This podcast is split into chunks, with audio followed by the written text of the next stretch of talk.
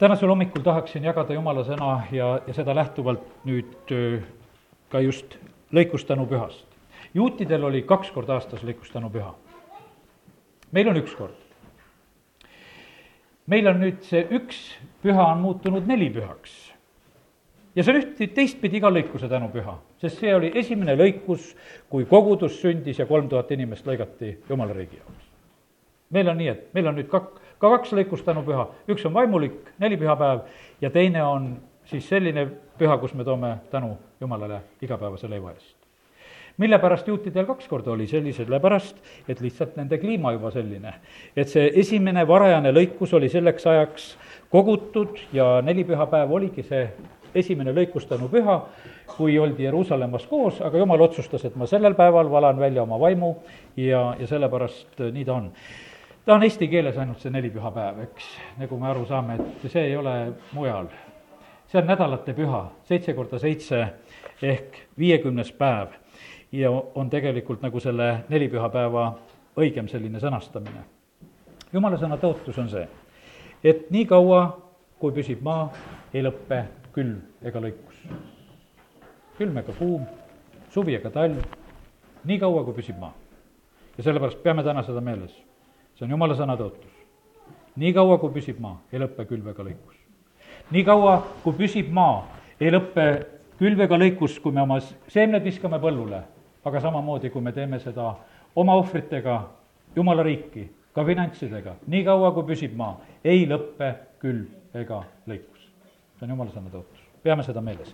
aga pisut, et meile tausta anda, eh, läheme ja hakkame lugema nõnda täna, et kõigepealt teeme lahti teise Moosese kakskümmend kolm, loeme nendest pühadest, siis ma usun, et, et me saame pisut pilti ette, mida täht-, tähendas just eh, pühapidamine ja Vanas Testamendis on kolm suurt seatud püha ja kaks nendest on siis lõikustänupüha ja kolmas suur püha on paasapüha. nii et kolm suurt püha, mis juutidel oli, oli kaks korda lõikustänu ja, ja paasapüha. Eh, teise Moosese kakskümmend kolm, kolm seatud püha, neljateistkümnendast salmist loen. kolm korda aastas pead sa mulle püha pidama. pea hapnemata leibade püha, see on siis paasapüha, seitse päeva söö hapnemata leiba, nõnda nagu ma sind olen käskinud, määratud ajal Abiibi kuus, sest siis sa tulid Egiptusest välja, aga tühja käsi ei tohi sa tulla mu palge ette see on pühadega seotud, me täna tegime juba, võimalus oli, tühja käsi ei pea tulema palge ette.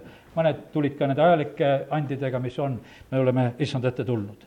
ja pea lõikuse püha oma varajase viljasaagile, mille sa oled külvanud põllule.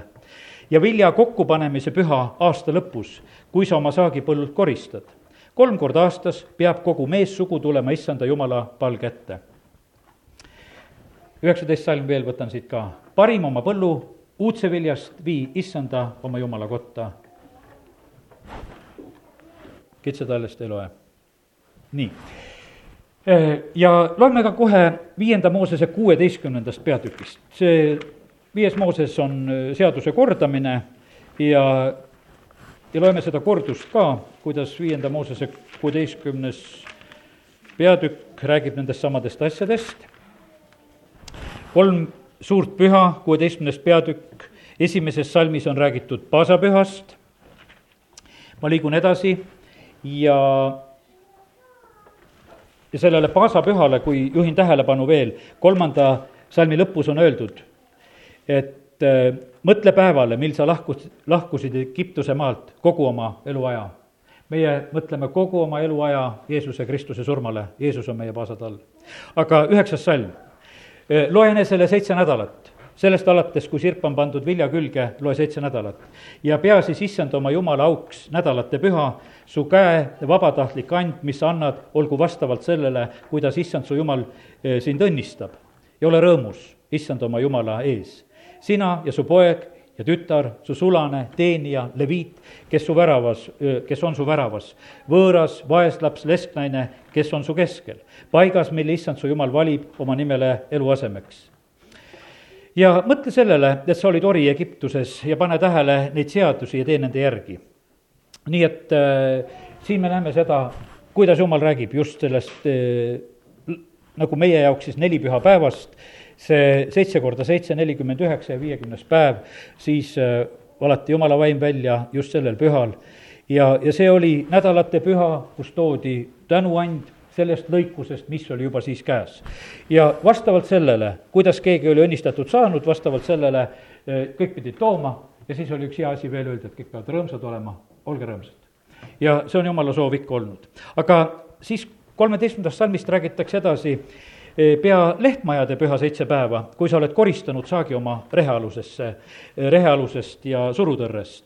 ole rõõmus sel oma pühal, sina ja su poeg ja tütar, su sulane, teenija, leviit, võõras, vaeslaps, lesknaine, kes on su väravais.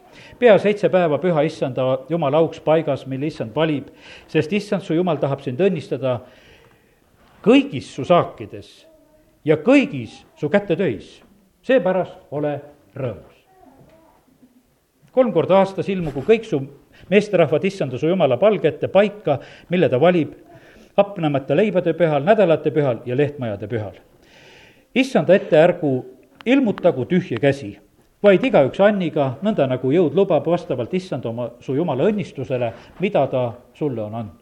issand on väga konkreetne, väga õiglane, väga püha, ta ei nõua meie käest mitte kellegi käest midagi rohkemat, mida meil ei ole, vastavalt sellele, kuidas sul on vastavalt, kuidas on sinu jõud, kuidas Jumal on sulle andnud, vastavalt sellele sa annad. aga pange tähele seda, et, et Jumala riigis on nagu see üks maksuseadus, et seal ei ole mingisuguseid, seal ei ole ka erandeid üldse. absoluutselt ei ole erandeid Jumala riigis, see on kõigile. keegi ärgu tulgu tühja käsi.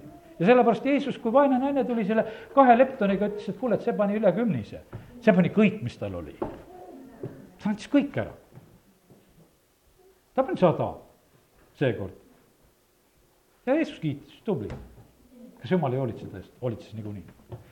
ja sellepärast kiitus Jumalale, et me võime täna ka lihtsalt olla Jumala ees ja, ja olgu selle koha pealt ka üks selline õnnistus ja, ja vabadus meie üle, pange tähele, et Jumal tahab meid õnnistada kõigis meie saakides ja kõigis meie kätetöödes. no kust iganes paremini õnnistus saab tulla, kui seda Jumala käest.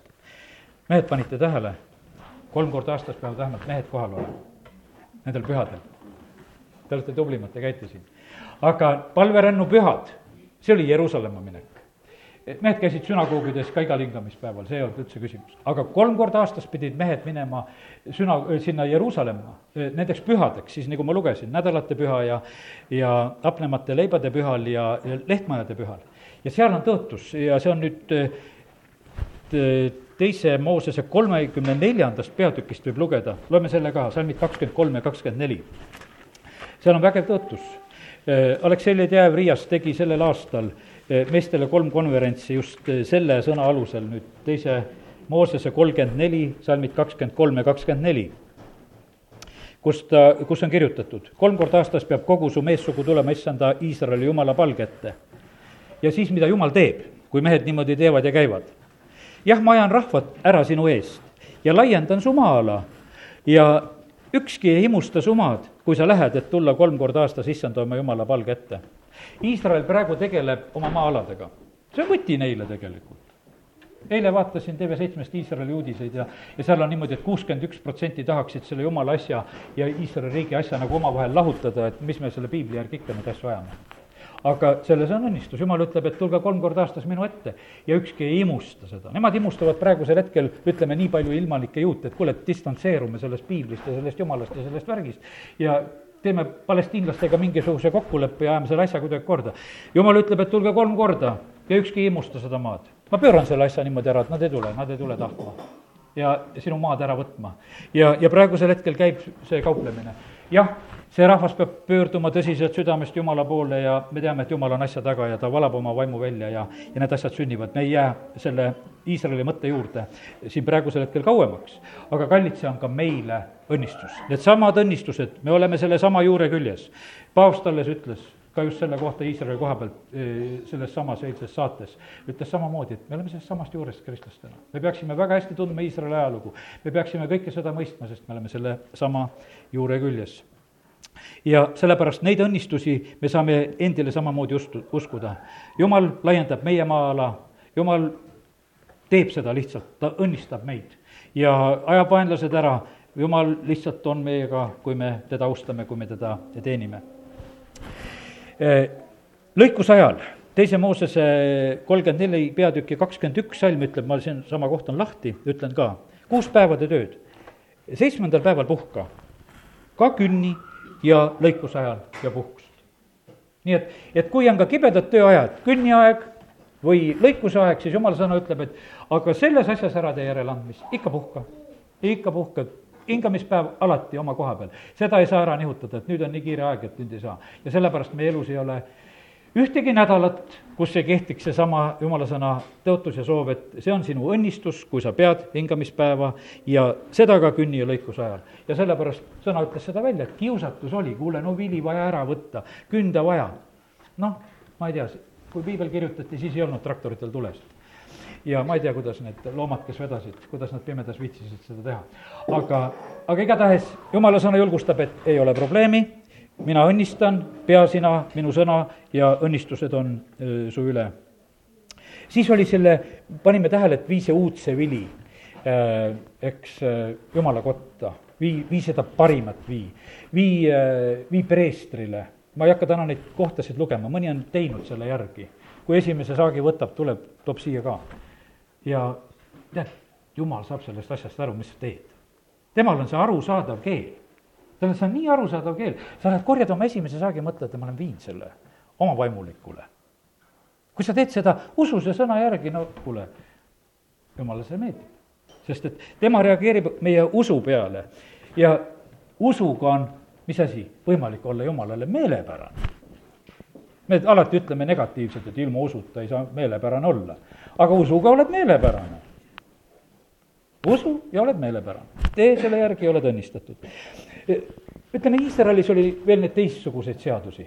sa ei tohi põllu pealt kõike ära noppida, jätad vaesele ja viletsale ja ja kui sa unustad ühe viljavihu maha, ära mine sellele järgi, las ta jääb.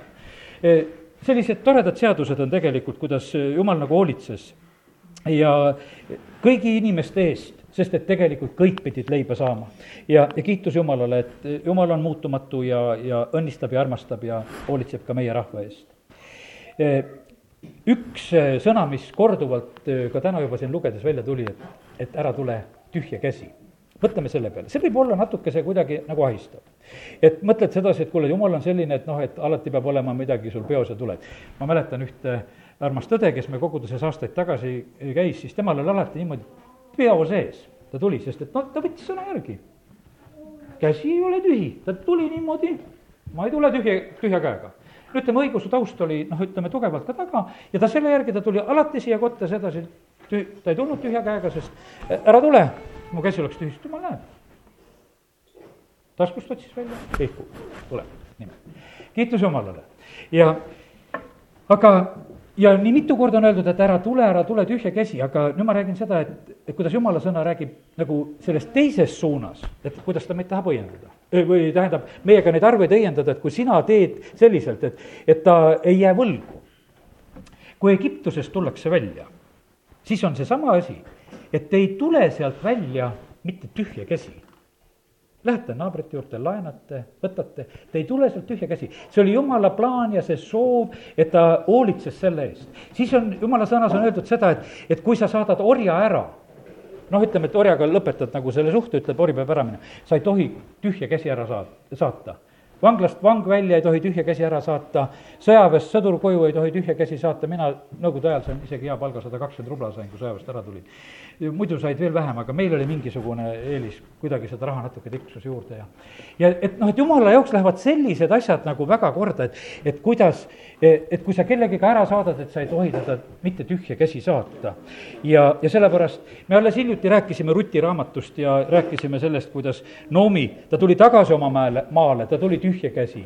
aga kui Rutt käib juba seal Moabi põllu peal, eh, need või seal, vabandust, seal Poase põllu peal käib korjamas need viljateri ja päid ja mis ta seal korjata sai siis tegelikult Boas hoolitseb selle eest, et kui sa nüüd ämma juurde tagasi lähed, et ära sa tühja käsi mine. ja, ja ta ei, nagu hoolitses selle eest. ja, ja sellepärast e, jumal väga valvab ja näeb seda, seda, kuidas meiega asjad on. aga sain sellise pildi, sellisest jumala ökonoomikast ja võtame korraks selle sil-, silmad ette ka, see on esimese Moosese nelikümmend üks kõigepealt. ja kuidas jumal asju ajab. ja see on, lugu läheb Joosepi juurde. Joosep saab Egiptuse valitsejaks, me teame seda, et Joosep seletab Vaaraole need unenäod ja unenägude sisu oli see, et sellel maal tuleb seitse väga head viljakat aastat. ja sellel maal tuleb seitse, seitse aastat, kus ei ole vilja, kus, kus on põud, kus üldse ei külvata, ei künta, mitte midagi ei saa ja, ja nüüd on, Joosep on kolmekümne aastane, kui ta on Vaaro ees ja seata, ja teda seatakse siis kogu eh, Egiptuse maa valitsejaks Vaaro järel teiseks meheks. ja nelikümmend üks ja nelikümmend kaheksa siis esimesest Moosesest ütleb. ja ta kogus kõik põllusaagi seitsmel aastal Egiptuse maal ja talletas selle linnadesse. igasse linna andis ta ümbruskonna põldude saagi. Joosep kuhjas väga palju vilja, nagu liiva mere ääres, kuni lakati seda mõõtmast, sest see ei olnud enam mõõdetav. ja ja kui nälg kätte tuli, viiskümmend viis salmi lõpuosa ütleb, siis Vaaro saadab, kui inimesed tulevad ja kisendavad tema ees, tema poole leiva pärast, ja, ja mis siis on? ja Vaaro ütleb, et minge Joosepi juurde, mis tema teile ütleb, seda tehke. ja nälg oli üle kogu maa ja Joosep avas kõik viljaaidad, mis olid nende juures ja müüs egiptlastele vilja, sest nälg võttis Egiptuse maal võimust. ja kõigist maadest tuldi Egiptuses äh, Egiptusesse Joosepilt vilja ostma, sest nälg oli võtnud võimust kõigis maades. nii, Joosep hakkab vilja müüma, nüüd ma lähen edasi ja kus mu soov on, neljakümne seitsmes peatükk. ja neljakümne seitsmendas peatükis siin esimese Moosese raamatus on Joosepi tegevus näljahäda leevendamiseks.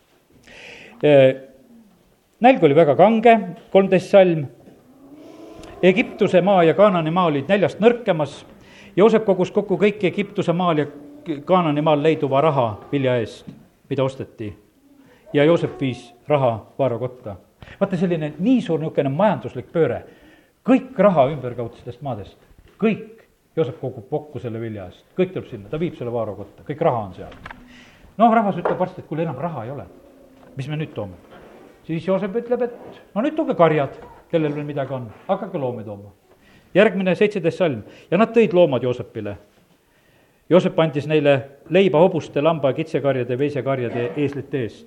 nõnda muretses ta neile sel aastal leiba kõigi nende loomade eest. ja, ja siis eh, raha otsas tulevad järgmine aasta, ütlevad, aga mille eest nüüd? siis läheb maa, ta ostab kõik maa kokku. ja siis ta ostab kõik rahva veel ka orjusesse. ja kes seda tegi? jumal tegi. seitse head aastat, selle, seitse nälja aastat ja selle, selle asjaga sai sellise olukorra, et kõik raha tuli, kõik karjad tulid, kõik maa tuli ja kõik inimesed tulid. täiesti uus majanduslik olukord, täiesti suur pööre. ja Joosep on seal vahel, jumal annab unenäod, asjad täituvad, Joosepil on oma roll to-, toimetada ja teha ja, ja siis on niimoodi, et ütleme, vahepeal, eks, on tulnud juba ka ju äh, Egiptusesse, kes Jakobi pere, nemad tulevad sellesse majanduslikku situatsiooni, neid pannakse kõige paremasse maakonda, Kooseni maakonda, ja jumal otsustab, et, et sellest paigast, kuhu ma olen need finantsid, rahad, asjad kõik kokku korjanud, ümberkaudsetest maadest, selles paigas ma tahan oma rahva luua ja sellest paigast ma tahan oma rahva välja viia kõige varanduse. kõigepealt ta toob selle varanduse sinna kokku, siis ta toob sinna Jakobi pere ja siis neljasaja aasta pärast kui see on üle miljoni, see rahvas, siis teie nüüd võtate, igaüks lähete, võtate oma naabri käest maksu ja lähete selle palgaga, mis on neljasaja aasta palk teile, te lähete oma maale tõotatud maa suunas minema. see on see, mida jumal teeb. meie ei oska neid asju nii mõelda. me vaatame nii, et kuule, et noh, head aastad ja halvad aastad, aga jumal tarvitab meid küll ja sellepärast need kriisid ja asjad, mis käivad üle selle maailma, need paigutavad varanduse ringi. Ja sellepärast me mingis mõttes oleme vahest harjunud sedasi, et kuule, mingisugused ümberpaigutused ja asjad käivad. mina rubla ajal elanud ja krooni ajal elanud ja euro ajal nüüd elanud ja mäletasin veel, ütleme neid kahti, neid vanasid rubasid ka, mis, mis siis enne kuuekümne esimest aastat tulid ja, ja ja noh, pisut aega elasin viis aastat ka sellel ajal, noh, et siis mängisime rahaga pärast nende esimeste suurte vene rubladega lihtsalt, jäid mängurahaks väga paljud. ja, ja sellepärast asjad ja olukorrad ja asjad käivad üle, aga tegelikult Jumal oskab kõige selle keskel tegelikult väga hästi toimetada. ja sellepärast, kui sina oled tema laps, siis usalda teda ja, ja me saame tegelikult Jumala käest õnnistused vastu võtta. ja me ei pea, noh, ütleme mitte sugugi tegelikult tagasi hoidma, et Jumalale tänu tuua selle eest, ka selle igapäevase leiva eest, toome talle südamest tänu kuulan praegusel ajal Dmitri Makarenko jutlusi lihtsalt, et venna kõnepruugiga ja kõigega nagu tuttavaks saada, on tulemas siia. ühes jutluses ta ütleb, et, et kui sa toidu eest tänad, siis saad ka juba tubli palvetaja, noh, kolm korda sööd, kolm korda tänad. et juba päris kõva palvetaja, kolm korda päevas tänad ja palud. seal soovitas, ütles ära väga pikalt paluma jää. ta ütles, et, et see oli aastaid tagasi, kui nad olid kuskil vendadega koos ja olid kitsad ajad ja kõhud noortel meestel tühjad ja, ja ütles, et et temal oli seda, et jumal õnnistas toitu ja, ja amen ja hakkas sööma. ütles teine vend tänas terve maailma käest kokku, ütles, et sellel oli nii, et toit oli laua pealt juba otsas selleks ajaks, kui tema oma palve lõpetas, et, et ei olnud seal midagi saada enam. ja, ja sellepärast, et aga täna Jumalat, tee seda südamest ja, ja, ja sellepärast Jumal on hea. ja, ja nii, et üks palve ikka olgu meie suudes ja südametes, et me täname Jumalat igapäevase leiva eest ja palume seda tema käest. see on tegelikult nii, noh, nii elementaarne, mida Jumal tegelikult ootab meie käest. ja, ja pea seda ka meeles, et tegelikult on nii, et et jumalal on nagu see ja eriti nagu Uues Testamendis tuleb nagu see teine võrdlus välja, just tuleb see vaimulik lõikus, seal Jeesus ütleb, et vaadake, põllud on valged lõikuseks ja ilmutuse raamat ütleb, et maailm on valmis küps lõikuseks, eks millal see on küps, eile TV7-s seal palvesaates õde ütleb seal, et, et Eestimaal on ärkamise aeg ma ütlesin, kiitus Jumalale, halleluuja, Võrus hakkab kohe, kui tuleb koosolek, inimesed tulevad päästmisele, sest et maailm on küps lõikuseks. me peame nagu seda nägema, Jeesus viskab pilgu põldudele, jah, tead, neli kuud on lõikuseni, tead, paluge lõikus issand, et ta läkitaks töötegijad välja sellepärast, kallid, meil on vaja usus nagu näha seda, et tegelikult, kuidas Jumal ajab neid asju, ta toidab meid Eh, igapäevase leivaga. aga samamoodi ta vaatab eh, selle maailma peale ja ta näeb nagu seda lõikust, mis on siin maailmas inimeste näol, kes saavad päästetud, kelledele külvatakse jumala sõna seemet. Eh, räägin veel mõned mõtted, mis olen tänaseks saanud, mul on palju neid, ma pean leidma siit midagi täna, mida jagada jõuab. Üks asi on see, et kas sa tahad tarvitada kümnist või keemiat. Malaki raamatus on see otseselt öeldud. sõitlan röövikuid eks, raudõpse. inimesed on valinud selle tee, et kuule, et ikka on vaja mürgitada, siis on kindel. aga teine variant on keemia asemel kümnis. ja mina sõitlen. aga seda pead usus tegema, seda pead usus tegema, neid näiteid on tegelikult nii palju Tartu ühed elusõna inimesed ühel kevadel, kui nad noh, ütleme, mina ei tea, need Poti põllumaad, kus kõrvuti need peenrakesed ja nagu linna äärtes on, eks istutavad, teevad, panevad oma asjad ka kasvama ja, ja siis oli, ma ei teagi seda lugu enam ei mäleta nii täpselt, oli see sügisesed või, või kevadised külmad. aga igatahes oli niimoodi, et külmad käisid üle. ja siis oli nii, et ja see külm ei puudutanud nende põlluvagusid, nende peenrakesi ja kahel pool oli ära võetud. sest nemad olid selle värgi ära õnnistanud. seda saab ainult jumal teha. ja sellepärast jumal tegeleb väga täpselt nende põllulappidega, väga täpselt, ta teab täpselt, kus on su oma. ja sellepärast äh, usalda Jumalat, teeni teda ja, ja siis ta õnnistab äh, sinu leiba ja vett ja sellepärast need on jumala sõna äh, võimsad tõotused. selle juures Jumal ootab, et me oleksime rõõmsad ja jumala sõna kutsub meid üles rõõmule, et me teeniksime oma issandat rõõmuga ja, ja, ja lõikusaeg on üldse tegelikult noh, ütleme, et jumala sõnas on see noh, et na-, nii nagu lõikuse ajal ollakse rõõmsad. Nii nagu lõikuse ajal ollakse rõõmsad, sest et kui sa saad vägeva saagi ja lõikuse, siis tegelikult on see rõõmu põhjus. ja, sellepärast ärme kaotame rõõmu ja oleme rõõmsad issandas, ootame lõikust külvame, teeme, ootame lõikust, ma mõtlen ka vaimulikus mõttes. see on suurim rõõm, see puudutab taevast, taevas ollakse rõõmsad, kui üks patune meelt parandab.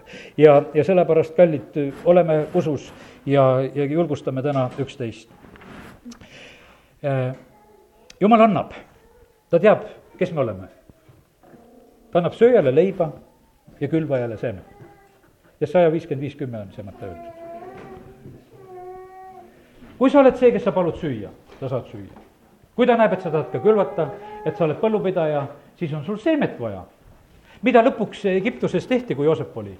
ta annab kõigile seemet nendele inimestele, sest et vaata, vili oli kõik seal vaara juures, ta oli kõik kokku võtnud. Põllud olid saanud ka juba vaara omaks aga ta andis kõigile seemet ja ütles, et ühe viiendiku peate tooma nüüd Vaarole tagasi, kuid nad hakkasid juba külvama ja tegema. jumal annab külvajale seemet ja, ja sööjale eh, leiba. ja, ja sellepärast me ütleme, et see, noh, me vahest nagu mõtleme, et kui noh, ütleme, et me kunagi oleme nii, et kui mul on nii. ei, jumal annab vastavalt sellele, kes sa oled me vahest nagu mõtleme, et, et kui mu käes on nii palju juba, et siis äh, raha või siis ma hakkan tegema heategusid ja, ja et siis ma annan. ei, kui sa oled heategija, sa teed oma viiekaga ka selle heateo ära, eks. sa teed selle lihtsalt ära, kui sa oled heategija, eks. ei ole mitte siis, kui mul on juba kümme tuhat, et siis ma hakkan sealt mõtlema, kellele ma head teen. ei, kui sa viiekaga ei tee, siis sa kümne tuhandega ka ei tee sest jumal saab sellest täpselt samamoodi aru, et eh, mis on nagu sinu selles loomuses, et, et kas sa oled valmis tegema, ei ole valmis tegema, sest et, et sellest, mis sul on, ei sõltu tegelikult sinu iseloom. ja sellepärast see, see on tegelikult sinus olemas ja, ja sellepärast me jumala sõnaga saame asju muuta, me võime niimoodi, et me võime saada nendest inimestest, kes on olnud ihned, saavad andjad. Kui me teeme selle usus selle otsuse, tuleme Jumala juurde, saame vabaks hakkad rõõmu kandma. tegelikult üks selline eriline vabaduse tunne on eh, kindlasti see, kui me olemegi need, kui me oleme need rõõmsad andjad. ja sellepärast, kallid, aidaku meid Jumal, sest Jumal on helde, ta annab kõigile. meie taevane isa on helde, ta toidab kõiki, patuseid ja, ja, ja kõike, mis iganes. aga me võime näha seda vahet, kuidas Jumal eh, õnnistab, kuidas ta õnnistab õiget. nii palju tõotusi on sellel teemal eh, täna räägime viljakusest. mõtleme natukese seda vaimuliku poole pealt ka. Jeesus ütleb Johannese evangeeliumi kaheteistkümnendas peatükis, et kui nisuiva ei sure, siis ta jääb üksi. kui me täna mõtleme viljale, siis on niimoodi ja kõrvitsaseeme suri ja kabatšoki oma suri ja, ja porgandiseemned surid ja õunaga on teistmoodi, kasvas seal puu otsas, eks. et noh, et otseselt sellist seemnesurma meil nagu noh, ütleme ei ole nagu võtta, et noh, ütleme, et kui see puu hakkas kasvama, siis ütleme, et piltlikult, et siis see seeme suri, eks. et ta ei ole nagu korduv iga aasta. ja aga nii paljuski vili tuleb selle tõttu, et miski sureb. vili tuleb selle tõttu, et miski sureb ja sellepärast on see ka nii, et, et kui me tahame seda, Jeesus sureb ristil ja selle tõttu me oleme päästetud, selle tõttu me oleme jumala lapsed. see põhimõtteliselt ei olnud absoluutselt Jeesuse koht me oleme ikka harjunud nii rääkima, et ja mõtlema sedapidi, et noh, et seal oli, üks oli Jeesuse rist ja siis oli kaks, kaks röövlite jaoks risti ja et sedapidi. tegelikult olid need kolm risti röövlite jaoks, sellest ainult Barrabas pääses seal. sest Jeesus, Barrabas lahti, lahti ja Jeesus pandi risti. ütleme, tegude poolest ei kuulunud mitte ühtegi risti Jeesusele. ta võttis selle koha. ta suri ja ta kannab palju vilja. ja, ja sellepärast, kallid, eks meie vili ka sellises ma-, vaimulikus mõttes on paljuski selline suremine. ja vaata, olla põllu peal ja surra, kunagi ma ammu ühte jutlust kuulasin või lugesin, ma ei mäletagi enam seda, et noh, seal oli ette kujutatud sedasi, et kuidas sa oled nagu see nisuiva, kui nisuiva ei sure, põllu peale külvatakse, millal nisu külvatakse, sügisel või, või kevadel, ma ei teagi. ja, aga igal juhul, millal pannakse? Kevadel ja sügisel, mõlemal pannakse, nii kuidas on, et kas on kevadine või sügisene, okei okay. aga mõlemad on tegelikult sellises ajas, kus on tegelikult ekstreemsed ajad ees seismas veel. ei ole veel lõplikult hea ja soe, on külm aeg veel. nii sügisel, kui tuleb, siis tulevad üldse külmad peale või kevadel on veel, need ilmad käivad edasi-tagasi. ja märg ja porine ja paha ja üle käivad ja tuulised ja tormised ilmad ja, ja, ja päiksesed ilmad ja kõik käib üle ja sa oled seal ja sellepärast on nii, et eks ka vaimulikus, vaimulikus mõttes on meie elu selline, et, et see, kus me vahest olema peame ja mis meist üle käib, see on nagu seal põlluporis olemine. aga kui vili tuleb, siis on mõnus, ühel päeval on oras väljas, on ilus vaadata, juba kasvab ja siis näha seda, seda viljapõldu, kuidas on see juba vilja kandmas ja, ja kuldseks muutunud, kui ilus see tegelikult on. Aga vili tuleb sellise vaevaga ja sellepärast, kallid, aga ootame vilja ootame vilja.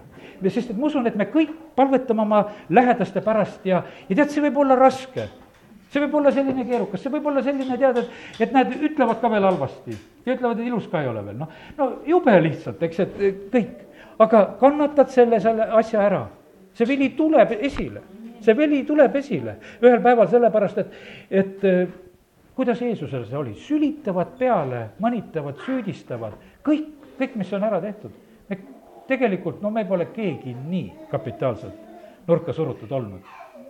me oleme kõik kergemini pääsenud isegi neid, keda koolis on mõnitatud, kõik on kergemini pääsenud. Jeesuse peal oli kõik, kõik jätavad maha, kõik jätavad maha kõik pöörduvad ära ja sellepärast see vilja kandmine vahest viib meid üsna eh, kitsa koha peale. Ja, ja sellepärast aidaku meid Jumal, et, et me ei, ei eh, kardaks ega, ega kuidagi põrkaks tagasi ja üks julgustus veel, mida tahtsin lugeda ja ma loen selle ja see on seotud Laabaniga. ja kus see mul siin oli? esimese Moosese kolmkümmend üks, kakskümmend neli.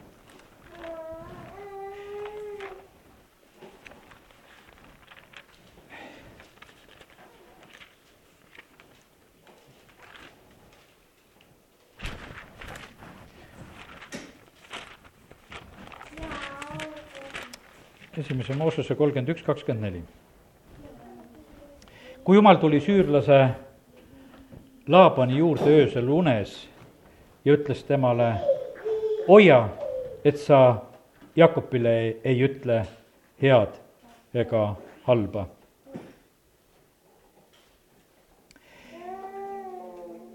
ja viimane salm nelikümmend kaks sellest, ei, mitte sellest peatükist, vaid lihtsalt sellest peatükist kolmkümmend üks, nelikümmend kaks. Kui minuga ei oleks olnud mu isa Jumal, Abrahami oma Jumal, Iisaki kartus, oleksid sa mind tühja käsi ära saatnud. Jumal on näinud mu häda ja mu käte vaeva ja on eile öösel teinud otsuse. millal Jumal teeb otsuseid sinu või minu kohta? Jakob saab ütelda, et eile öösel tegi jumal otsuse, sest ta võtab selle Laabani kinni unes, ütleb, et vaata, et sa ei ütle talle head ega halba. näha sa saad, aga vait oled. kõik, sellepärast et tegelikult Jakob läheb suure karjaga, suure saagiga, kõigega, mis ta on seal tegelikult teeninud, kakskümmend aastat ja palju seal teenis, eks. ta läheb salaja põgeneb tegelikult sealt ära ja Laaban on teda jälitamas, niisugune kriitiline hetk. ja jumal sekkub. Ja on eile öösel teinud otsuse. kallid, millal jumal saab meie koha pealt teha neid otsuseid? me peame selleks nagu võimaldama, nagu andma selle põhjuse. oma usus, oma tegudega, oma jumala teenimisega. ja, ja sellepärast aidaku meid Jumal, et, et me mõistaksime, et me näeksime, kuivõrd seotud need asjad on õnnistused ja asjad, kuidas on, meil võib-olla praegu on nagu teistmoodi. Me ei ole nii sõltuvad põldudest, ma ei tea, siin on mõned, kes peavad põldu ja, ja kasvatavad ja, ja otseselt näevad seda, et kas õnnistus on sellel aastal olnud või ei ole olnud. väga selge. valdavalt on nii, et me läheme poodi ja, ja vaatame, et noh, kuule, poes ikka on. aga selle poega on nii, et noh, et kui sul raha ei ole, mis sellest õnnistusest kasu on, eks, et noh, et kui seal letid on täis ja ja noh, et see ei ole nagu päris otsene niimoodi noh, meie isiklik, eks, et meie isiklik on see, et ikkagi, et mis siis kodus kapis ja sahvris ja, ja laual, et, et seal saad nagu ära mõõta selle. et poepilt võib olla ilus, et kellelgi on ja kellelgi ei ole veel, eks. aga jumal tegelikult räägib väga tugevat keelt selle asja kaudu. ja tuli mulle meelde siin äh, Karl Reits, kui ta turuprohvetina äh, siis käib kuulutamas ja rääkimas ja ma loen siit sellest äh, Andres Kirjamäe raamatust, prohvetlusest ja selle esindajatest Eestis, lehekülg seitsekümmend neli on öeldud nii, kus äh, Karl Reits siis ütleb ühel päeval, et siin turul on, siin turul ei saa varsti kolme aasta vältel tuvi oma nokaga ivakestki. see läks täide okupatsioonipäevil. turg, kus praegu seisame, muutub kauniks, siin õitsevad lilled siia istutatakse kahekümne viie aastaseid puid. praegusel ajal on turul prohveti poolt ennustatud ilme. sillutis kaevati üles, rajati haljasalad, lilleklumbid, toodi kohale täpselt kahekümne viie aastased puud, mis palistavad pargi Pärnu maantee poolset äärt. turul oli palju lihakaupmehi, kes lõbustasid end retsi pihta kontide pildu, pildumisega kord taas kondiga pihta saanud, pöördus Reits viskaja poole ja ütles, loopige aga pealegi. praegu konte veel jätkub, aga varsti jooksete üksteise võidu nende järele ja seisate järjekorras. lihakaupmehed tavatsesid Reitsi üle ka niisama irvitada. üks agaramaid oli keegi kaubitseja Koort. kord tõi Koort Toobist, eh, kord jõi Koort Toobist sooja kohvi ja nägi Reitsi lähenemas inetute mõnituste saatel läigatas ta Toobitäie prohvetile näkku. Viimane seisatas, vaatas, pühkis end sõnagi poetamata rahulikult puh-, puhtaks ja lahkus. Koort aga kaotas mõne aja pärast mõistuse ja lõpetas oma elupäevad vaimuhaiglas. sinnasamma kadus ka tema poeg. kord viskas keegi turunaine mõigus teda mädanenud kurgiga. Reits pöördus mõtlikult tema poole ja ütles, sa viskad mind kui inimest ega tea, et sa viskad jumala prohvetit. hiljem kohtas naine kodukandis üht usklikku ja rääkis talle juhtunust ning lisas, mu parem käsi on jõuetu ja kuivetub. see on mulle jumala karistus selle eest, et viskasin tema äh, prohvetit. ja nii neid näiteid läheb edasi ja sellepärast no olla toitu täis turu peal ja ütelda, et siin tuleb aeg, kus linnukene ka ei leia evakestki. ja see tuli, sellel turul müüdi, sellel okupatsiooniperioodil müüdi lilli, toitu ei müüdud, toiduga oli otsas. noh, neid subprodukte ja konte nõukogude ajal küll ja küll osteti, sest lihavagunid sõitsid teises suunas ja need subproduktid ja kondid ja värgid, neid sai söödud küll ja küll seetõttu see tehti. Ja sellepärast kõik need asjad on tegelikult, nagu me näeme sedasi, et eh, mida jumal laseb ka oma sulaste kaudu rääkida, need asjad tegelikult on sündimas. ja, ja sellepärast väga otseses tegelikult sellises seoses on äh, need toiduasjad. ma mäletan seda, Angola saadab välja äh, missionärid, nälja saavad asemele, venelased lähevad ise aitama, oma, oma revolutsiooni viima teevad neid asju, otsesed vahetused. me näeme praegu Põhja- ja Lõuna-Koread. maa on ju sama, võiks ütelda, ma mõtlen mulla mõttes. süüa võiksid ju mõlemad. ühed on näljas, teised söövad.